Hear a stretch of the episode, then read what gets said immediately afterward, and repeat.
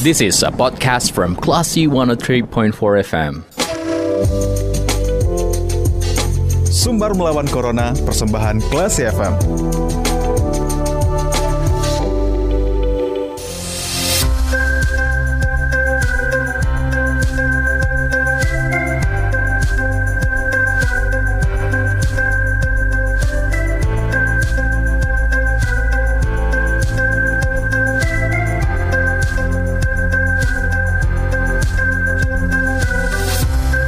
Empat kelas FM bersama kita lawan Corona. Kelas People, saatnya Anda mencermati program Sumbar Melawan Corona. Kali ini bersama saya Faris Sardana. Pemerintah eh, beberapa waktu yang lalu Kelas People menyampaikan bahwa saat ini masyarakat di Indonesia sudah diizinkan untuk tidak menggunakan masker ketika berada di lingkungan luar rumah atau di tempat outdoor Kelas People. Lalu bagaimana tanggapan dari beberapa pihak Classy People, apalagi saat ini memang WHO belum menyatakan pandemi ini berakhir, dan juga di beberapa negara COVID mulai naik kembali. Misalkan Korea Utara, sementara di Indonesia sudah membolehkan untuk tidak pakai masker. Kita akan berbincang bersama Ketua Komite Pencegahan dan Pengendalian Infeksi Rumah Sakit RSUP Dr. M. Jamil Padang, ada Dr. Roslaili Rashid M. Biomed. Assalamualaikum, Dr. Lili. Waalaikumsalam warahmatullahi wabarakatuh. Gimana kabarnya dokter sehat? Alhamdulillah sehat. Alhamdulillah Faris. Alhamdulillah. Ya. Uh, dokter, terkait dengan pengantar yang sudah saya sampaikan tadi bahwa pemerintah uh, beberapa waktu yang lalu melalui Presiden Joko Widodo menyampaikan masyarakat sudah diizinkan untuk tidak pakai masker ketika berada di outdoor, dok. Uh, sementara yeah. saat ini WHO belum menyatakan pandemi selesai. Lalu juga ada yeah. ancaman uh, hepatitis akut yang juga bisa dikatakan misterius. Komentar iya. dokter seperti apa dok? Uh, begini, makasih pertanyaannya uh, Faris. Uh, Bapak Ibu pendengar semuanya, ini uh, saya sudah dikenalkan tadi ya. Uh, saya dari Rumah Sakit M Jamil Padang, Ketua hmm. Pengendalian Infeksi Rumah Sakit. Nah, uh, mengenai uh, bebas masker, masker ya, kita hari Rabu ya tanggal 18 Mei 2022 itu sudah diumumkan oleh Bapak Presiden hmm. bahwa Indonesia sekarang ini sudah uh, dibolehkan uh, bebas masker hmm. terutama di ruang di luar ruangan. Nah, sebetulnya Indonesia ini adalah salah satu negara yang kini tidak mewajibkan lagi warganya mengenakan masker di ruangan terbuka. Hmm. Saya, saya tekankan lagi di ruangan terbuka. Kenapa di ruangan terbuka itu sebetulnya secara mikrobiologi itu virus-virus uh, uh, apa ya tidak tidak tidak bisa dikatakan tidak ada Uh, kenapa? Hmm. Karena uh, saat ini sudah uh, sangat menurun sekali. Yeah. Tapi uh, bukan berarti itu tidak ada uh, tidak membahayakan, hmm. ya tidak tidak membahayakan.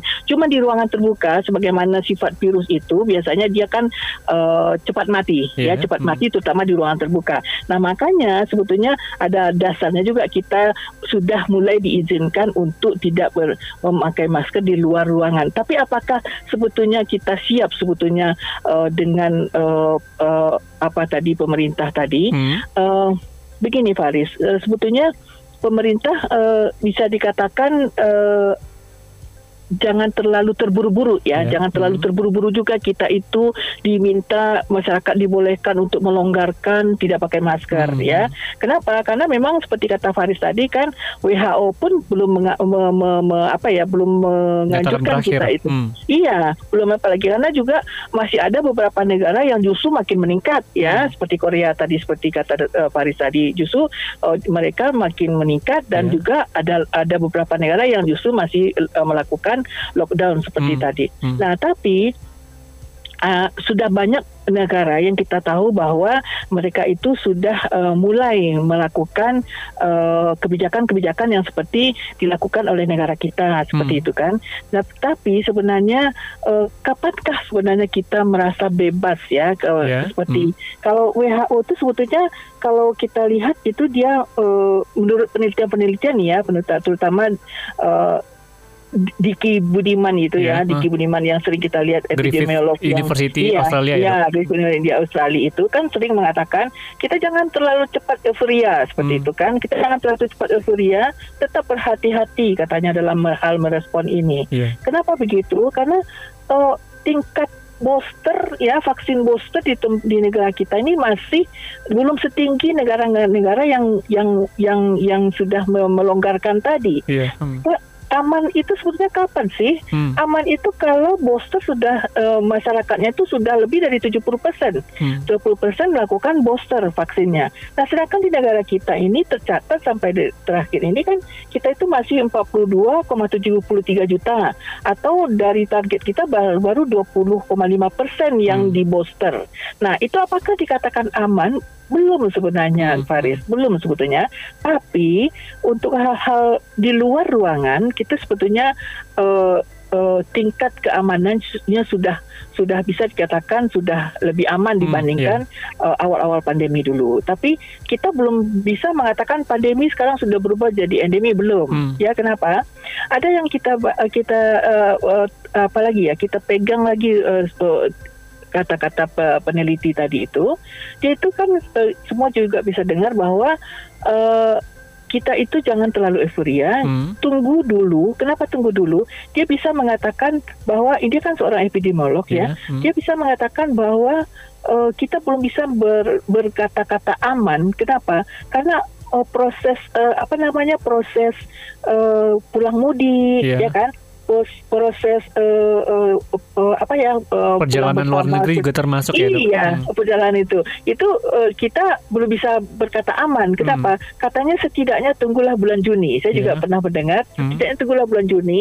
Kenapa? Karena di bulan Juni itu kita bisa mengevaluasi lagi katanya itu uh, bagaimana dampak vaksin ya, yeah. dampak vaksin hmm. kemudian perubahan perilaku bagaimana kita lihat kan uh, penerapan prokesnya nanti uh, kita juga bisa mengevaluasi lagi katanya hmm. kan kenapa karena juga ada siklus empat bulanan yeah. nah dia juga mencatat ada siklus empat bulanan yang menyertai itu di saat-saat pandemi COVID. Nah, jadi kita nanti akan mengevaluasi lagi katanya sekitar bulan Juni. Nah, itu yang memang kita kita apa ya kita pedomani juga karena dia seorang peneliti. Yeah. Nah saya di, ke, ke, kita dari bagian uh, terutama kita di rumah sakit ya rumah mm -hmm. sakit saya belum bisa mengatakan kita itu uh, membolehkan yeah. hmm. uh, di di apa ya membolehkan uh, melepas masker. Hmm. Jadi di rumah sakit M Jamil itu masih kita tetap wajib masker tetap. Yeah. Hmm. Nah, wajib uh, pokoknya uh, prokes tadi tetap dijalankan seperti biasa. Yeah. Uh, cuman mungkin kita lihat di ruangan-ruangan terbuka nanti seperti orang olahraga, tapi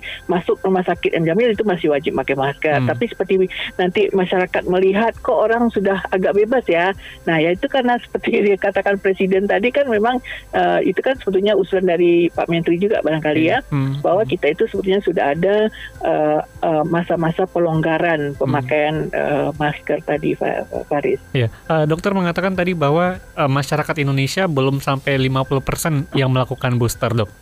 Iya. Ber, uh, berarti apakah bisa dikatakan nanti ketika kita benar-benar dinyatakan aman itu ketika orang-orang sudah booster, banyak booster, Dok? Ya sebetulnya parameternya banyak ya parameternya banyak uh, misalnya uh, tingkat ke kepositifan kita sekarang ini berapa gitu itu kan. Hmm. Cuman ada satu kalau bisa kalau yang dipegang oleh WHO itu sebetulnya kan uh, ada parameter booster sebetulnya Faris. Yeah. Dia katakan kalau um, kalau sudah booster 70% sudah bisa dikatakan aman katanya. Hmm. Nah lalu kita evaluasi lagi kan di Indonesia ternyata booster kita baru 20 sampai 5% tapi yeah. tingkat kepositifannya setiap hari itu jauh menurun. Hmm seperti itu. Di M Jamil juga pasien yang kita rawat sudah sangat-sangat sedikit sekali. Hmm. Malah bisa dikatakan uh, hampir-hampir uh, ya sedikit sekali lah. Hmm. Nah, uh, ya. dengan kondisi sekarang yang sudah mulai longgar, Dok, kemudian juga booster yang belum sampai 50%. Menurut dokter, tentunya kita nggak bisa berandai-andai juga, tapi sudah bisa memprediksi apakah dengan pelonggaran ini potensi kenaikan kasus bisa terjadi dok di masa depan? Nah itu dia betul Faris. Kita makanya jangan di, jangan terlalu cepat euforia seperti hmm. itu. Jangan terlalu cepat euforia karena uh, potensi itu yang di, diingatkan juga oleh epidemiolog itu. Hmm. Kenapa? Karena kita tingkat booster kita itu masih kurang, Yeah. ya kan? Walaupun ini uh, apa nama uh, kepositifannya setiap hari itu berkurang, Ya. tapi tingkat booster kita masih kurang. Hmm. Jadi kita masih bisa membahayakan terutama kepada anak-anak seperti yang dikatakan tadi ya anak-anak kan di bawah enam tahun belum divaksin Ya, hmm. lalu orang tua lagi yang punya punya komorbid itu kadang-kadang kan eh, tidak tidak bisa divaksin Hmm, juga hmm. ya kan mempunyai eh, apa ya eh, eh, kontraindikasi untuk dilakukan vaksinasi nah itu mereka tidak bervaksin tidak Hmm. divaksin nah, itu kan sebetulnya membahayakan juga bagi mereka. Nah jadi seperti itulah. Jadi kita jangan terlalu eh, cepat-cepat mengambil kesimpulan terlalu cepat euforia bebas masker seperti itu jangan. Hmm. tetap melaksanakan prokes terutama kita mengingatkan selalu di tempat-tempat tertutup di tempat-tempat tertutup eh, ruangan tertutup lalu apalagi padat orangnya itu hati-hati. Seperti itu ya. Itu masih kita sangat menganjurkan tetap bermasker. Hmm. gitu eh, Paris Eh, terakhir ini dokter, Eh, ya untuk penegasan kembali terkait dengan eh, kesadaran kita untuk tetap menggunakan masker ini seperti apa untuk masyarakat dok biar eh, euforia ini tidak berlangsung lama kita juga eh, meskipun kita tentunya berharap kita nggak pakai masker lagi kemudian nggak ada Iya, jaga jarak tapi berharap. ah, tapi kondisinya saat ini seperti yang kita sebutkan di awal WHO belum Iya. menyatakan ini berakhir kemudian di beberapa Iya. negara ada kenaikan kasus dan potensi Iya. kasus di Indonesia juga eh, bisa dikatakan nanti ditakutkan naik ini seperti apa pesan Iya. untuk masyarakat dokter? Nah, ini eh, masyarakat eh, terima kasih Faris ya. Jadi masyarakat ter- eh, terutama eh, jangan terlalu cepat berkesimpulan oh kita bebas masker tidak seperti itu ya. Seperti yang saya katakan tadi masih ada kekhawatiran-kekhawatiran kita untuk kasus ini akan melonjak lagi. Lalu eh, akan melonjak lagi eh, kita tidak semua pasti tidak mau terulang lagi ke ke masa-masa sebelum ini ya Iya. ke masa-masa di mana kita itu betul-betul uh, dilanda ketakutan semuanya uh, uh, ekonomi uh, uh, apa ya ke, uh, pokoknya perdagangan semua kita menjadi uh, menurun terhambat Hmm. seperti itu jadi kita tidak mau lagi kembali ke seperti itu tapi uh, diingatkan kembali janganlah uh, kita terlalu bercepat uh, mengambil kesimpulan Hmm. bebas masker tidak seperti itu Hmm. ya jadi kita tetap hati-hati Ya. jadi tetap kita waspada uh, perilaku prokes tadi tetap kita laksanakan terutama untuk tempat-tempat yang berpotensi akan terjadi penularan dengan cepat. Hmm. Di mana itu? Di mana suatu ruangan tertutup, banyak orang, padat orang, lalu apalagi ada yang flu di situ, ada Ya, yang berpotensi kita curigai berpenyakit seperti itu. Nah, kita harus tetap waspada. Anda semua juga harus waspada cuci tangan, pakai masker, itu yang penting sekali. Hmm. Jaga jarak.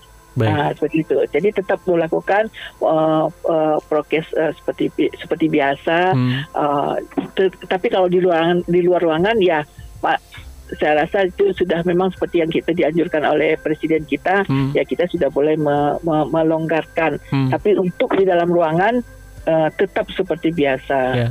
Tetap waspada seperti biasa itu. Itu saja Pak Riz. Baik, terima kasih Dokter Lili sudah meluangkan waktu memberikan pemahaman dan juga edukasi buat masyarakat pada sore hari ini. Selamat Iya. beraktivitas kembali, Dokter. Iya. Assalamualaikum. Sama-sama, Dokter. Waalaikumsalam warahmatullahi wabarakatuh. Baiklah si people, ini perbincangan kita bersama Ketua Komite Pencegahan dan Pengendalian Infeksi Rumah Sakit RSUP Dr. M. Jamil Padang, Dr. Roslaili Rashid M. Biomed dalam sumber melawan corona dan juga mudah-mudahan apa yang beliau sampaikan tadi ini bisa memberikan pemahaman tambahan untuk kita. Dan saya Faris Sardana, kita ke program selanjutnya. Terima kasih. Anda sudah mencermati program Sumber Melawan Corona. Cermati podcast obrolan ini di www.classfm.co.id atau download aplikasi Classy FM.